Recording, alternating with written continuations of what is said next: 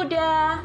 Hari ini kuda akan bercerita tentang kisah Jangan Malu Becky karya Kak Granasti Aprilia. Dengarkan ceritanya ya. Ada murid baru di sekolah Momo. Becky namanya. Becky datang dari tempat yang jauh.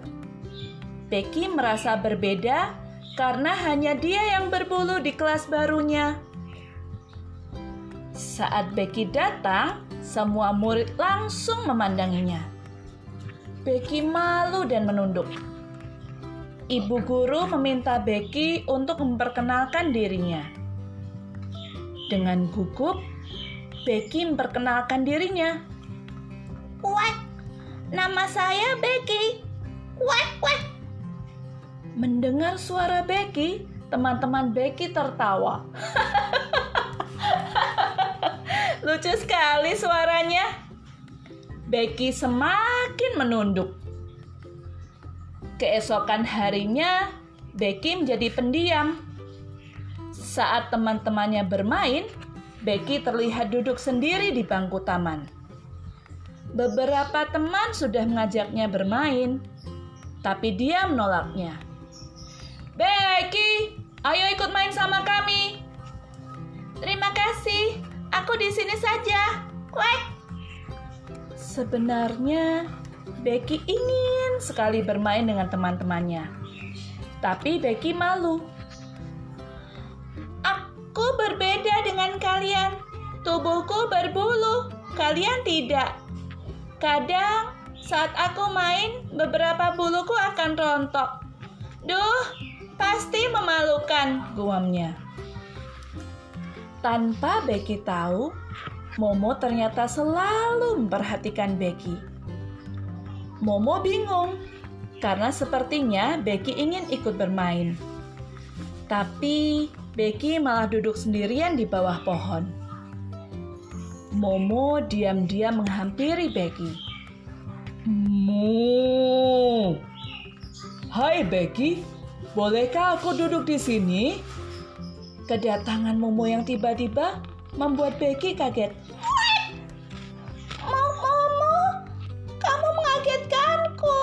Kata Becky. Mo, maaf Becky, aku tak sengaja. Kamu sih melamun, kata Momo. Momo bertanya kepada Becky. Becky, apakah kamu senang sekolah di sini? Uh, aku senang kok sekolah di sini. Semuanya baik hati, kata Becky. Kalau begitu, kenapa kamu tak pernah mau bergabung dengan kami? Apakah kamu tidak suka berteman dengan kami? Tanya Momo. Wait, aku suka berteman dengan kalian, tapi aku, aku malu. Kata Becky sambil menundukkan kepala. Malu kenapa? Tanya Momo. Teman-teman sering ngejekku dengan menirukan suaraku. Wait, aku malu. Jadi aku lebih baik diam saja. Wait, kata Becky. Oh, begitu. Maaf Becky, sepertinya teman-teman tak bermaksud seperti itu. Kamu teman unggas kami yang pertama. Kami semua ingin berteman denganmu. Kami justru tertarik dengan cara bicaramu yang belum pernah kami dengar sebelumnya. Kata Momo kepada Becky.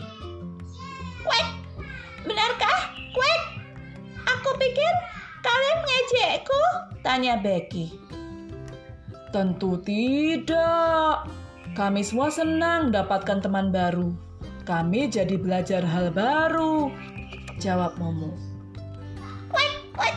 Tapi aku berbeda dengan kalian. Aku berbulu, kalian berambut, kata Becky. Mu, kata siapa kita beda? Kita ini sama loh, kata Momo. Hah? Apanya yang sama? Tubuh kita beda, suara kita juga beda, sanggah Becky. Kalau itu sih iya, kita memang punya perbedaan, tapi kita juga punya banyak persamaan loh. Kita semua makhluk ciptaan Tuhan. Sama-sama bernapas dan juga bisa bergerak, kata Momo. Berbeda itu menyenangkan, Becky. Coba kita lihat pelangi. Indah karena terdiri dari banyak warna yang beragam, kata Momo. Ah, iya ya. Tapi bagaimana kalau teman-teman masih menertawakanku? Wek wek, tanya Becky. Mu, jangan khawatir. Aku akan bilang ke teman-teman bahwa kamu tidak suka ditertawakan ketika bicara. Jadi, bagaimana mau bermain bersama kami? Ucap Momo. Wek, ya, aku mau bermain bersama kalian, kata Becky sambil tersenyum.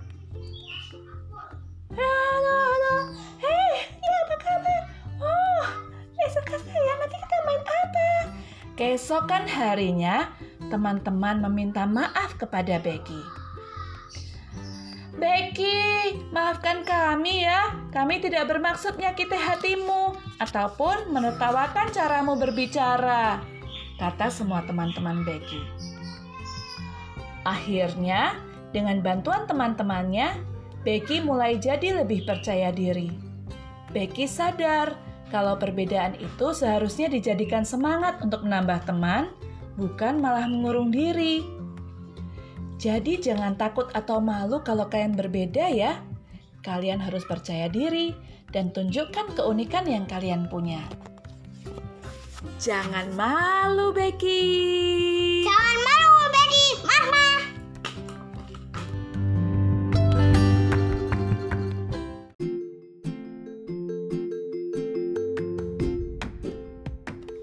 Halo kawan kuda. Hari ini Kuda mau bercerita tentang Sanur makan sayur. Hmm, kawan kuda suka sayur tidak? Nah, kita dengarkan ya. Mengapa Sanur lalu makan sayur? Aduh, perut Sanur sakit. Teriak Sanur dari dalam kamar mandi. Sanur adalah seekor harimau kecil yang tinggal di pinggir hutan mimpi. Ada apa, Sanur? Ibu Sanur segera mendekati. Perutku, perutku sakit, Bu. Jawab Sanur sambil memegangi perutnya. Ibu Sanur memandang perut anaknya.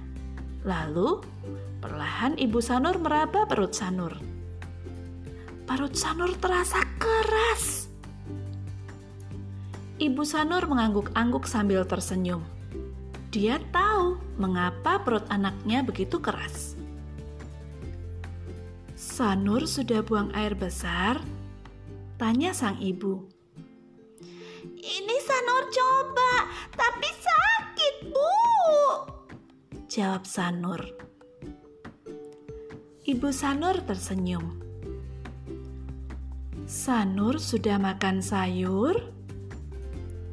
Sanur menggelengkan kepalanya.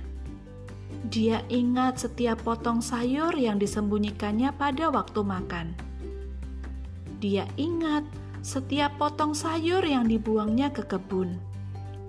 Sanur benci sayur. Wortel yang keras, brokoli yang bentuknya aneh, terong yang lembek. Sanur bergidik. Nah, hari ini ibu memasak rolade daging kesukaanmu. Tapi ada juga sayuran di dalamnya. Coba kamu makan ya, kata ibu Sanur. Sanur hanya bisa mengangguk. Di meja makan sudah siap sepiring rolade dan sartai sayuran kukus yang dilumuri saus lezat. Hmm, baunya sangat menggoda. Sanur mencicipi makanan itu dan menghabiskannya. Sepulang sekolah, Sanur merasa ingin buang air besar. Buru-buru dia pulang dan bisa buang air besar dengan lancar. Dengan senyum lebar, dia bercerita pada ibunya. Bu, ibu, Sanur sudah bisa buang air besar dan perut Sanur tidak sakit lagi. Wah, Sanur hebat. Kenapa bisa begitu ya? Ibunya bertanya. Sanur makan sayur, Bu. Jawab Sanur riang. Mereka berdua berpelukan. Sanur berjanji dia akan makan sayur setiap hari. Mulai hari ini, Sanur makan sayur. Nah, kawan kuda, semoga kawan-kawan kuda juga suka makan sayur seperti Sanur. Sampai jumpa pada cerita berikutnya ya. Dah kawan kuda.